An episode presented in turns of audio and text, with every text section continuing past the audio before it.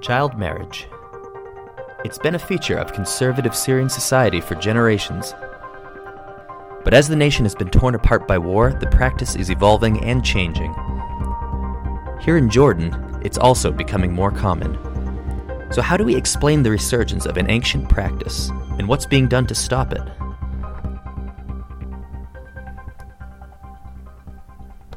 Here to discuss the topic, I'm joined by Pamela Di Camillo from the United Nations Population Fund. Pamela, obviously, adolescence is a hard time, no matter the circumstances.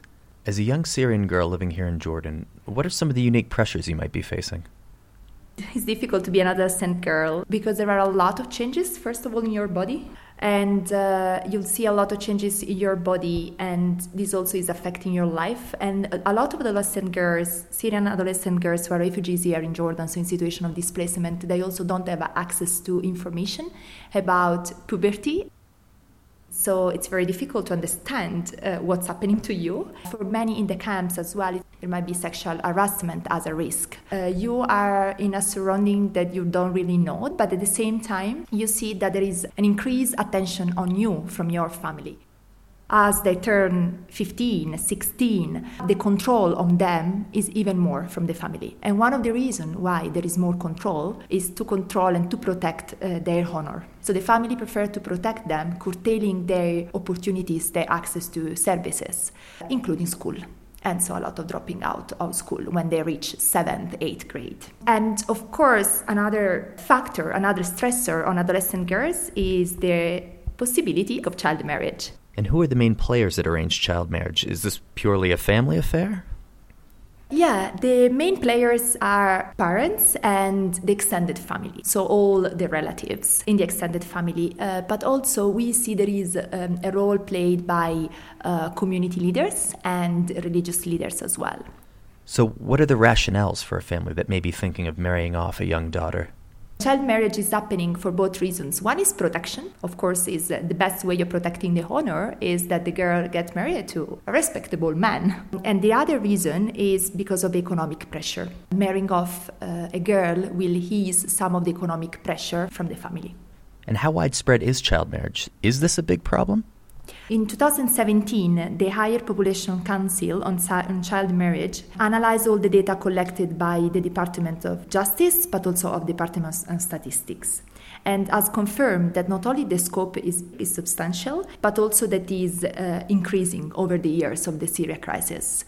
If we look at the rate of marriages registered for Syrian females who are married below 18 during the period 2011 and 2015, uh, the rate it was 12% of marriages in um, 2011 and to arrive in 2015 to 34% of the total marriages. This means, to make it very easy, that one third of Syrian fem- female who were married in 2015 were below 18. Given this grim picture, what can be done to reverse this rise? Has any approach been proven effective? We have been working since the beginning of the Syria crisis, providing awareness raising sessions and information about the negative consequences of child marriage. And over the years, as you see from the number, we realized that the impact was not so high.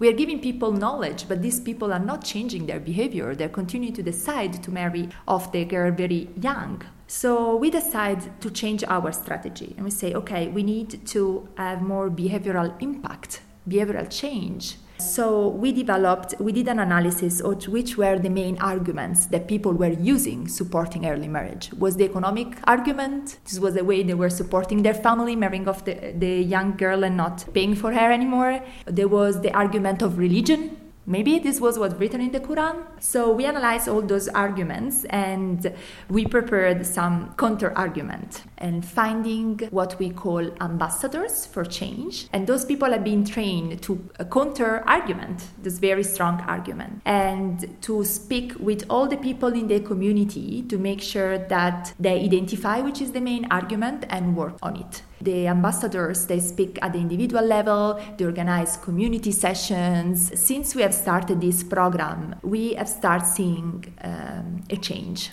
So, who are these ambassadors exactly? Uh, the ambassador comes from the community itself. They are young, both uh, women and men. So we have 50-50, uh, but they are they are young. They are between uh, 18 and 24. So we just identify the people that are already there, give them some communication skills, and familiarize them with some of the arguments, and let them do the job. And looking forward, what gives you hope about the future? Uh, there are two things that keep me very optimistic. And one are the adolescent girls themselves. I feel there is a cohort growing up that see the future in a different way. I see adolescent girls now being being different from the generation before. Social media have been played quite a big role. A lot of adolescent girls have access to social media and they have been using them.